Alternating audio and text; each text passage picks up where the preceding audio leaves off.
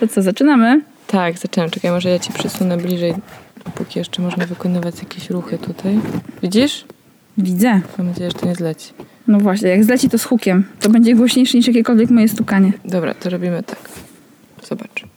Zobacz już. Wow.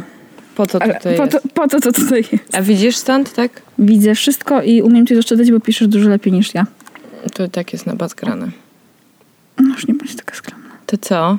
Zaczynamy. To już się nagrało znowu? Oczywiście, że Jezu! tak. Dobra, super, to zaczynamy. Start. Start.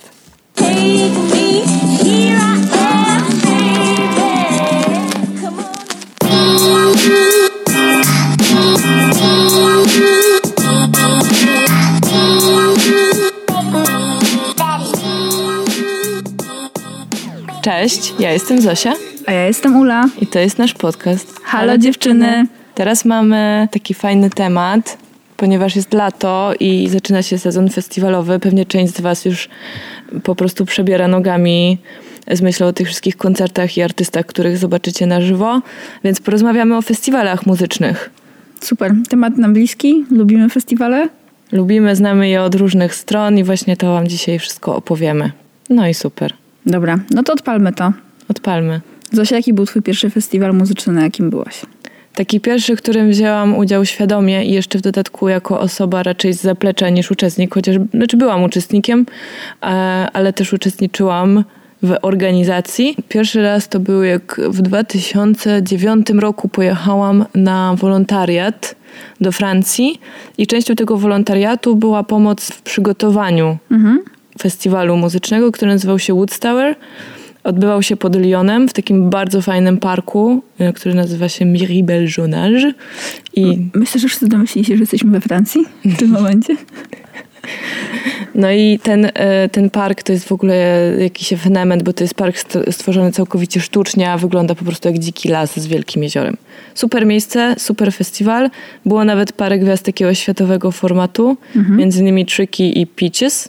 A poza tym bardzo dużo zespołów i artystów francuskich, o których w życiu nie słyszałam, ale bawiłam się świetnie. Bawiłam się świetnie, byłam wo- wolontariuszką yy, i ten festiwal był w całości przez wolontariuszy przygotowany, więc między innymi organizowaliśmy catering i kroiłam setki pomidorów na kanapki. E, I wieszałam dekoracje, i malowałam dekoracje, i w ogóle było niesamowicie. I wtedy, wtedy pierwszy raz zobaczyłam festiwal w pełnej krasie i bardzo mi się to spodobało. I na maksa teraz skłamałam. To nie było moje pierwsze doświadczenie festiwalowe. Bo właśnie sobie przypomniałam, że w tym samym roku, dosłownie półtora miesiąca wcześniej, pojechałam pierwszy raz w swoim życiu na Openera. To, to z kolei było moje pierwsze doświadczenie Pojechałam, festiwalowe. pojechałam na Openera, a nie pojechałam na cały festiwal, pojechałam na jeden dzień i to, co Na najbardziej... który dzień pojechałaś?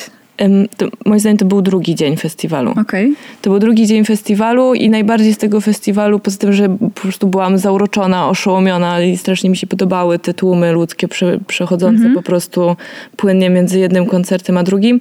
Najbardziej mi się podobało to, że ten festiwal mnie absolutnie zaskoczył, bo w ogóle nie podobał mi się koncert zespołu, na który się wybierałam. To było The Cooks, pamiętam to jak dziś.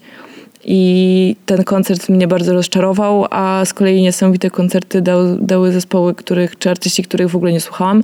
Między innymi Gossip, o którym wcześniej słyszałam niewiele, i Mobi. Niesamowite koncerty. Tak, więc w ogóle okłamałam was w pierwszych minutach podcastu. To są moje pierwsze doświadczenia festiwalowe. To ja chciałam powiedzieć, że twoje pierwsze doświadczenie było bardzo unikalne. A teraz o twoim prawdziwym pierwszym doświadczeniu powiem właśnie, że myślę, że było dość powszechne z kolei. W Polsce oczywiście.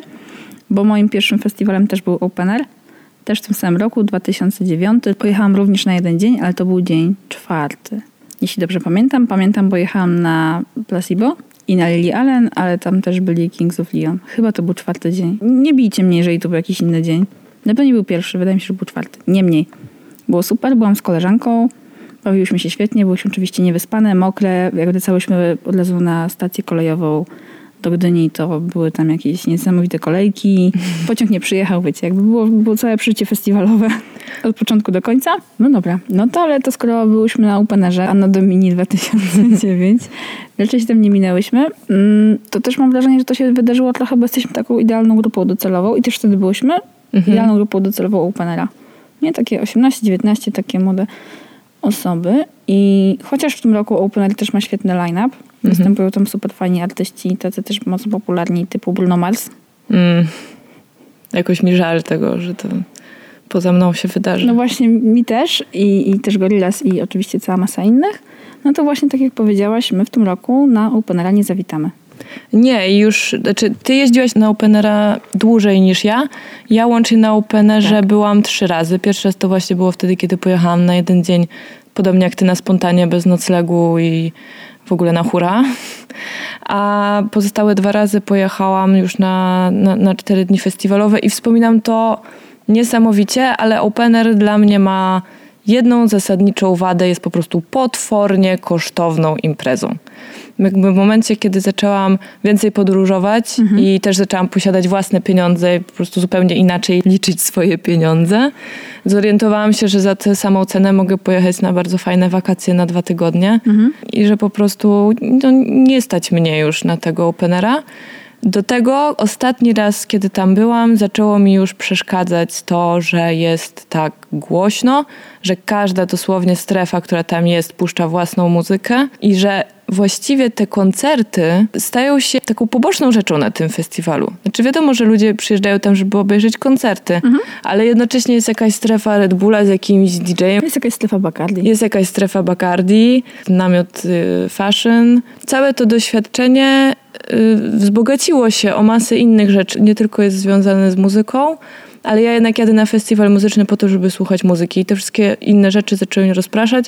Plus estetyka openera, gdzie każda strefa właśnie jest zupełnie inna, jest nieujednolicona. Po prostu zaczęło mnie to drażnić. Tu mnie totalnie ubodłaś, bo ja na marginesie chodzę do kina dość często i w sezonie właśnie takim letnim jest w kinie zawsze dużo reklam Openera.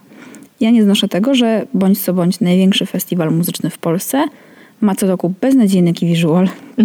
Co roku ta szata graficzna jest kompletnie od czapy. W ogóle jest nieprzemyślana. Ja rozumiem, że oni nie muszą się reklamować, ale myślę, że w ich budżecie powinna znaleźć się jakaś fajna kwota na grafika, która im to fajnie obmyśli. Ale teraz zastanów się.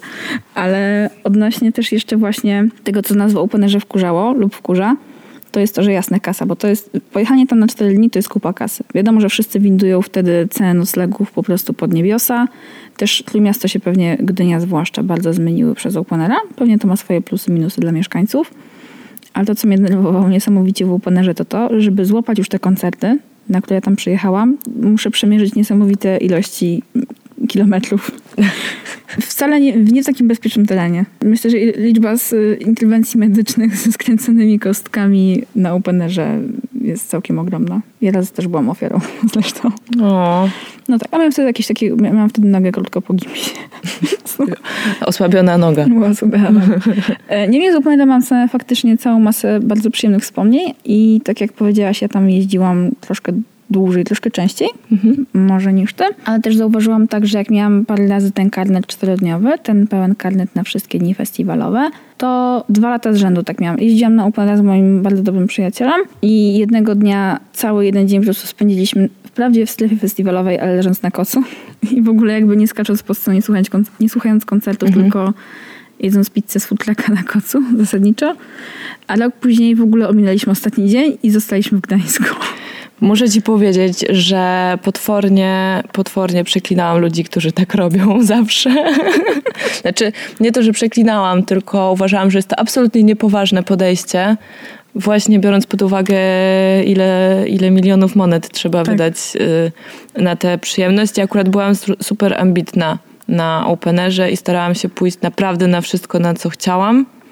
I jak na coś nie, nie, nie dotarłam, to byłam bardzo sama sobą rozczarowana. I na przykład bardzo często irytowałam się na swoich znajomych, którzy siedzieli, coś jedli, pili piwo, a ja słyszałam, że gdzieś tam daleko, bo to jest daleko. Te wszystkie sceny są od siebie dosyć oddalone i te strefy gastronomiczne też częściowo są no, po prostu w jakiejś tam odległości od, od załóżmy od sceny głównej. I jak słyszałam na przykład, że już gra The XX, a nas jeszcze tam nie ma, to po prostu zrzymałam się w środku i przebierałam nogami, już naprawdę wszystkich pospieszałam. Wszyscy właśnie byli tacy... Zosia, wyluzuj. Tak, tak, dokładnie, że nie, nie, nie, nie, pod, nie podchodzili tego, do tego tak ambicjonalnie jak ja. No a mnie właśnie Open nauczyło odpuszczania tych rzeczy, bo ja też byłam taką osobą, że tak miałam harmonogram koncertów, brałam tą festiwalową ulotkę, wszystko zaznaczałam, na wszystko przychodziłam, albo na wszystko dobiegałam raczej niż przychodziłam, to jest właściwsze określenie. No i w sumie zobacz, właśnie mamy tego Openera, na którego ani ty, ani ja się w tym roku nie wybieramy, bo wybieramy się gdzieś indziej. Wydajemy nasze miliony monet nie w tym mieście, ale w Katowicach. Dokładnie, bo w tym roku po raz drugi jedziemy na OFF Festival do Wspólnie. Katowic. Jedziemy po raz drugi wspólnie. Pierwszy raz pojechałyśmy e, rok temu. Ja byłam E. pierwszy raz dwa lata temu na jeden dzień. A, no mieli, właśnie. mieli grać The Killsi, na których jakby kupiłam po to bilet festiwalowy jednodniowy, po czym krótko przed tym wydarzeniem okazało się, że Killsi jednak nie zagrają, ale ja przyjechałam i tak. To, był, y, to była bardzo pechowa edycja OFA, bo tam dużo, tam nie tylko The Kills odwołało Tak swój koncert, dużo jakichś takich właściwie headlinerów. Może nie dużo, no ale zawsze jak headliner odwołuje koncert, to jest słabo. W skali OFA to było dużo. To, to, to było dużo. E, Ale właśnie razem pojechałyśmy Tak. wspólnie w zeszłym roku i to pojechałyśmy o tyle dla mnie przynajmniej nietypowo, bo kupiłyśmy karnet z polem. Tak, kupiłyśmy karnet z polem namiotowym, do którego, znaczy ja w ogóle wybierałam się na OFA już wiele lat, raz już nawet miałam kupiony bilet, ale z powodów rodzinnych musiałam zostać jednak w Warszawie i ten swój e, karnet sprzedałam. I w końcu ja w ogóle mam klątwy festiwalowe, nie wiem czy wiecie, ale mam, no, na przykład Opener był objęty absolutnie klątwą festiwalową, bo były takie dwa lata z rzędu, kiedy ja się nie mogłam wybrać na Openera, bo zawsze coś się działo takiego, że nie mogłam jechać. Raz miałam zapalenie płuc, Ojej.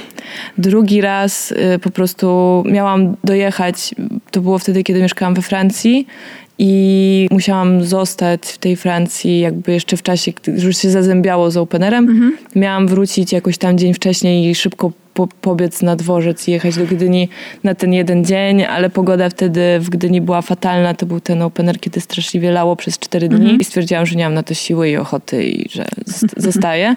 I jak potem rok później przekraczałam bramki Openera, to pamiętam, że wydałam jakiś taki okrzyk zwycięski, że przełamałam klątwę, ale off dokładnie tą samą klątwą był objęty.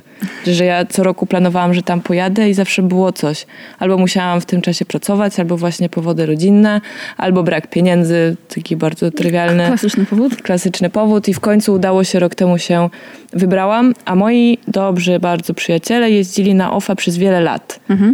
I namówili mnie, znaczy bardzo zawsze się dobrze wypowiadali o polu namiotowym, zaufałam im i to był bardzo, bardzo dobry wybór. To jest fantastyczne pole namiotowe. Tak, a ja zaufałam Zosi i byłam zachwycona. To był mój pierwszy raz podczas festiwalu na polu namiotowym. Miałam bardzo dużo obaw i powiedzmy sobie zdrowotnych, ale też miałam też takie obawy na tle organizacyjnym, bo ja mniej więcej wiem, z czym to się je i domyślam się, jaki to musi być, jakie to musi być wyzwanie, zorganizować takie pole namiotowe i bałam się po prostu o warunki, jakie tam będą panować. I też obawy były płonne, bo było ekstra. Tak, i nie będziemy o tym za dużo mówić, bo pojedźcie sami, zobaczcie, Tak, spotkajcie nas tam w tym roku. Spotkajmy się na OFie. Y, Czym OFF się różni od Openera? No zacznijmy od tego, że artyści, którzy tam występują, raczej zaliczają się do tych niszowych. Zawsze jest jakaś gwiazda, oczywiście, ale raczej też jest to gwiazda no nie, nie z mainstreamu. Przyjeżdżają zupełnie inni ludzie niż na OFA. Średnia wieku jest zdecydowanie wyższa. Przyjeżdża sporo rodziców z dziećmi. Teren jest bardzo przyjazny, jest zielono, jest dużo drzew, jest staw. I czy cały festiwal odbywa się w parku. Sceny są blisko siebie, ale mimo wszystko się nie zagłuszają. Parę razy się zdarzyło, że było słychać inną scenę. Ale najbardziej z pola namiotowego i tak wszystko słyszałyśmy, jak chodziłyśmy spać. Tak. I panuje tam zupełnie inna atmosfera.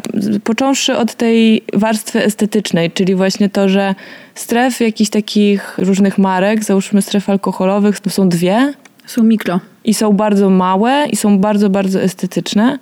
Pozostała część miasteczka festiwalowego jest ujednolicona. Każdy namiot ma mniej więcej ten sam wymiar, wszystkie są w tym samym kolorze, oznakowania są zgodne z wizualem of festiwalu i w ogóle nie ma tutaj miejsca na jakąś taką wolną Amerykankę.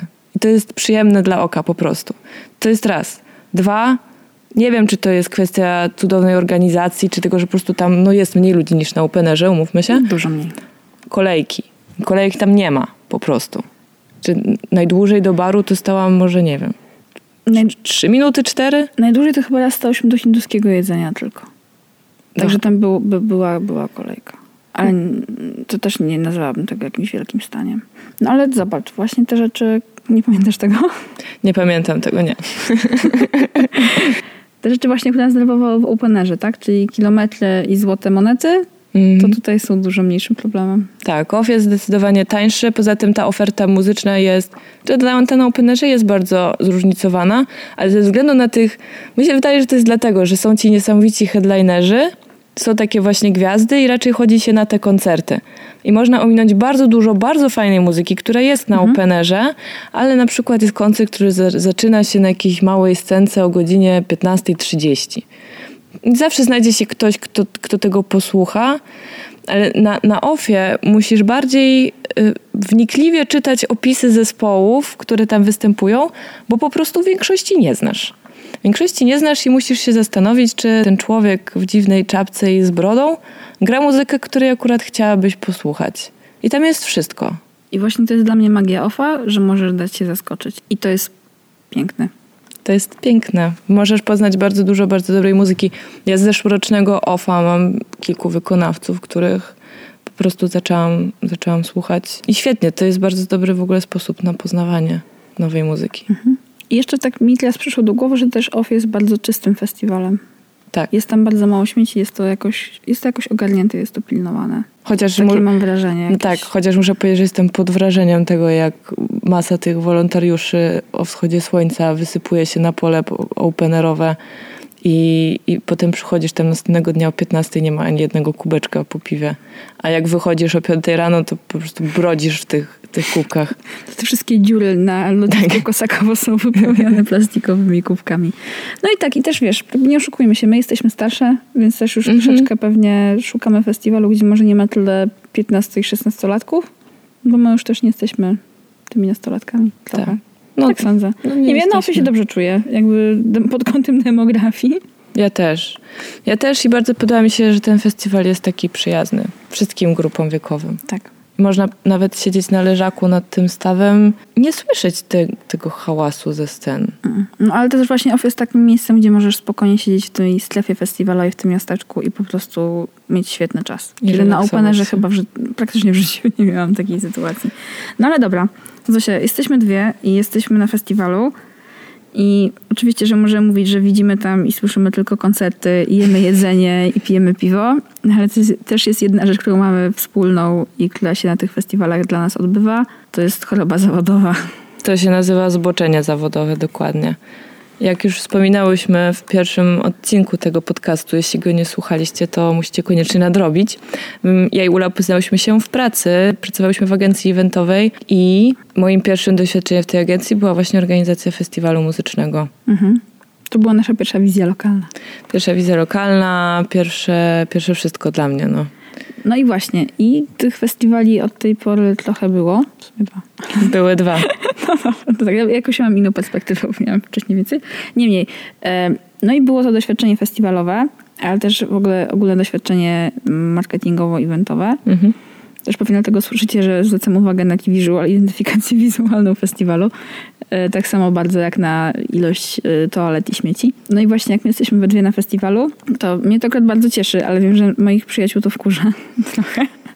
Ja widzę każdą krzywo powieszoną lampę, słyszę wszystkie przybijające się dźwięki. No ze mną nie jest aż tak źle, ale zwracam uwagę na dużo rzeczy. Właśnie bardzo na ofie byłam zaskoczona tymi kolejkami.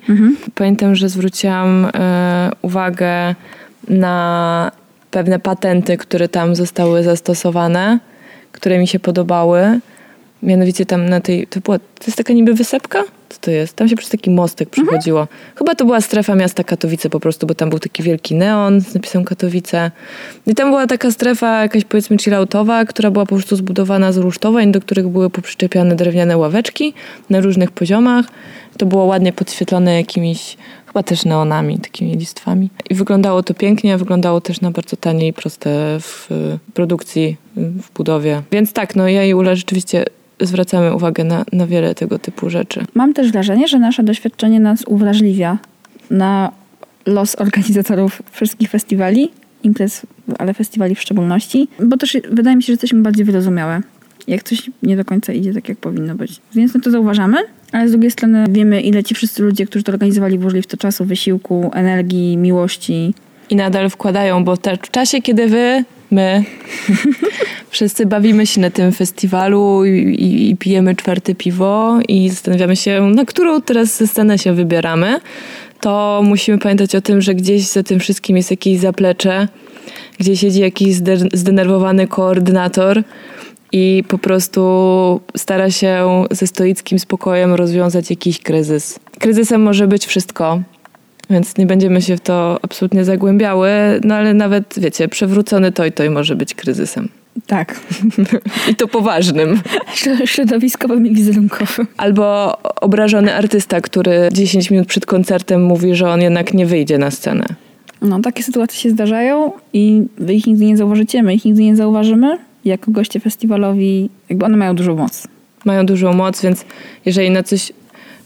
Znaczy zdarza się, że coś jest po prostu ewidentnie źle zorganizowane, ale jeśli są jakieś Oczywiście. niedociągnięcia, które na przykład was irytują i jesteście zniecierpliwieni z tego powodu, to weźcie jakiś głęboki oddech i pomyślcie, że po pierwsze to nie jest jakby niczyja złośliwość, to jest raz, ani bezmyślność, a dwa, to, że już jest sztab ludzi, którzy pracu- który pracuje nad tym, żeby, żeby tę sytuację zażegnać i żebyś ty, jako uczestnik, uczestniczka festiwalu, zaraz poczuł się znowu dobrze. I nie pisał nienawistnych komentarzy na Facebooku, jaki beznadziejny jest organizator. Dokładnie i szczególnie miejcie to na względzie wchodząc na festiwal, bo to chyba jest takie pierwsze zderzenie z kolejki. No i to jest moment, kiedy też jest dużo nerwów, bo Tak. tutaj ktoś cię przeszukuje, tu ktoś ci sprawdza opaskę, każe ci otworzyć torbę. Na ofie to akurat miałam wrażenie, że to jest zawsze taki, że tam ludzie właśnie podchodzą z takim spokojem i zrozumieniem do tej, do tej sytuacji. Bo już byli wcześniej na Openerze. Może dlatego. wszyscy kiedyś, no wszyscy od Openera zaczynaliśmy. Mówmy się, że to jest największy festiwal w Polsce, który zaczynał od jednego koncertu chyba The Chemical Brothers na torze Stegny. Wydaje mi się, był koncert pierwszy openerowy. Ten, kon- ten opener zaczynał się w Warszawie. Były to dosłownie dwa, trzy koncerty na krzyż. I rozrósł się do jednego z najbardziej rozpoznawalnych festiwali w Europie. No i trzeba oddać tutaj po prostu też Zdejmujemy czapkę z głów. tak, zdejmujemy czapki z głów przed y, Alterartem i, i pomysłodawcami, bo, bo, bo, bo ściągnęli do Polski jako pierwsi tych niesamowitych artystów, którzy wracają i chcą wracać i lubią grać przed polską publicznością. No. Ale pamiętajcie, że też y, praca na festiwalu to nie jest tylko napinka i sytuacja. Też się można dobrze bawić. Też jest- na festiwalu. Tak, my zawsze znajdowałyśmy jednak chociaż te 15 minut, żeby pójść na, na koncert, na który chciałyśmy pójść. Tak, pójść na dwa utwory. Do, no, I może akurat byłyby te, które najbardziej chciałyśmy No dobra, ale właśnie, pójść na koncert i jak to jest, że mamy i festiwale, i jeździmy na festiwale, ale mamy też koncerty takie w mieście. Akurat mieszkając w Warszawie, obydwie mamy bardzo szeroki wachlarz dostępnych dla nas rozrywek kulturalnych, w tym też koncertów.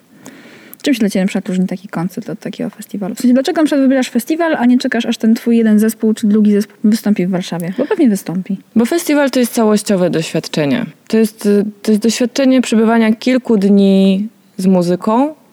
Przebywania przez kilka dni z ludźmi jest takie określenie jak festiwalowe twarze. Bardzo szybko zaczynasz, jakby orientujesz się, y, kto przyjechał na jeden koncert, a kogo widujesz od trzech dni, już rozpoznajesz i już niemalże mówicie sobie cześć. Po raz kolejny widzicie się na koncercie tego samego zespołu i uśmiechacie się do siebie znacząco. I festiwal trwa cały dzień, całą noc tak naprawdę i moment, kiedy z niego schodzisz, jakby to jest tylko i wyłącznie twój wybór. Uwielbiam koncerty jednego zespołu. Są one na ogół dużo mocniejszym przeżyciem muzycznym. Właśnie to, to, to o tym myślałam. Jesteś w klubie, na pewno akustyka jest trochę lepsza i, i, i jesteś bliżej tego artysty. Najlepiej z koncertów, na których byłam w Warszawie, wspominam koncert Jesejera w basenie artystycznym. Jaki to był wspaniały koncert. Jeszcze w ogóle basen artystyczny, nie wiem, tam już chyba się nie odbywają koncerty. Był wspaniałe miejsce. Ale to było takie niesamowite miejsce. Schodziło się tej niecki basen, basenowej po schodkach. Można było stać na tych antresolkach, gdzie kiedyś były przybieralnie. I, i, I to było świetne. I po prostu wtedy przychodzisz spotkać się z zespołem. Trochę cię nie obchodzą ludzie, którzy są naokoło. Starasz się być sama z tym zespołem. Ja tak przynajmniej mam. Ja na przykład nie potrzebuję w ogóle towarzystwa, jak idę na koncert. Mogę iść sama. Byłam na koncercie Crystal Fighters sama i w ogóle mi to nie przeszkadzało. Stałam pod sceną. Nikt nie mówił, że chce usiąść, że chce do łazienki, że chce się czegoś napić, że tutaj za gorąco, że coś. Ja miałam ochotę tańczyć przez cały koncert i dokładnie to zrobiłam. Zupełnie jak samotne podróżowanie. Nikt ci nie mówi. Nikt ci nie mówi, co- no tak no. No, dokładnie, zgadzam się z muzyką. No a ty jak myślisz? Koncert, Je- festiwal. Ja się z tobą zgodzę odnośnie przeżycia, bo ja też bardzo mocno przeżywam takie pojedyncze koncerty, na które idę. Bardzo dobrze pamiętam na przykład koncert Radiohead w Poznaniu, też chyba w 2009 roku. Dla mnie to było bardzo duchowe przeżycie, mimo że muzyka nie kościelna, było super. Taki pojedynczy koncert, kiedy... Ja też zwykle mam tak, że jak idę na pojedynczy koncert, to jest to zespół, który wiele dla mnie znaczy, którego dyskografię znam dobrze, którego teksty piosenek wybrane znam na pamięć i też dlatego myślę, że to mi to podbija mi to, to doświadczenie. Tak. Bardzo mocno. I dlatego też jakby moje skupienie jest zupełnie inne i, na, i kompletnie inaczej to przeżywam. No i umówmy się, że w taki koncert też więcej y, po prostu inwestujemy pieniędzy. A koncert Proporcjonalnie tak. proporcjonalnie, no bo koncert jest y, droższy. Oczywiście jest tańszy finalnie, no bo nie musisz się żywić przez trzy dni na festiwalu i nie musisz nigdzie nocować, po prostu wychodzisz z domu, idziesz na koncert, wracasz do domu, ale no mówmy się, że jeden koncert może kosztować tam, nie wiem, no nie mówię o takich... Golden Circle. Złoty cyrkiel. Złoty cyrkiel. Nie mówię, nie, nie będę wspominała, ile kosztują koncerty Stonesów, czy Beyoncé i Jay-Z, ale okej, koncert Jesejera czy koncert Crystal Fighters kosztował stówę. Za OFA w tym roku zapłaciłam 400 zł już z noclegiem. A koncertów zobaczę pewnie kilka, Kilkana, dziesiąt. kilkanaście. No tak, ale tak zahaczę No tak, zahaczymy to o większość. o, o większość. No więc to jest jakby, powiedzmy, ek, ek, ek bardziej ekonomiczne. tak, to podejście finansowe.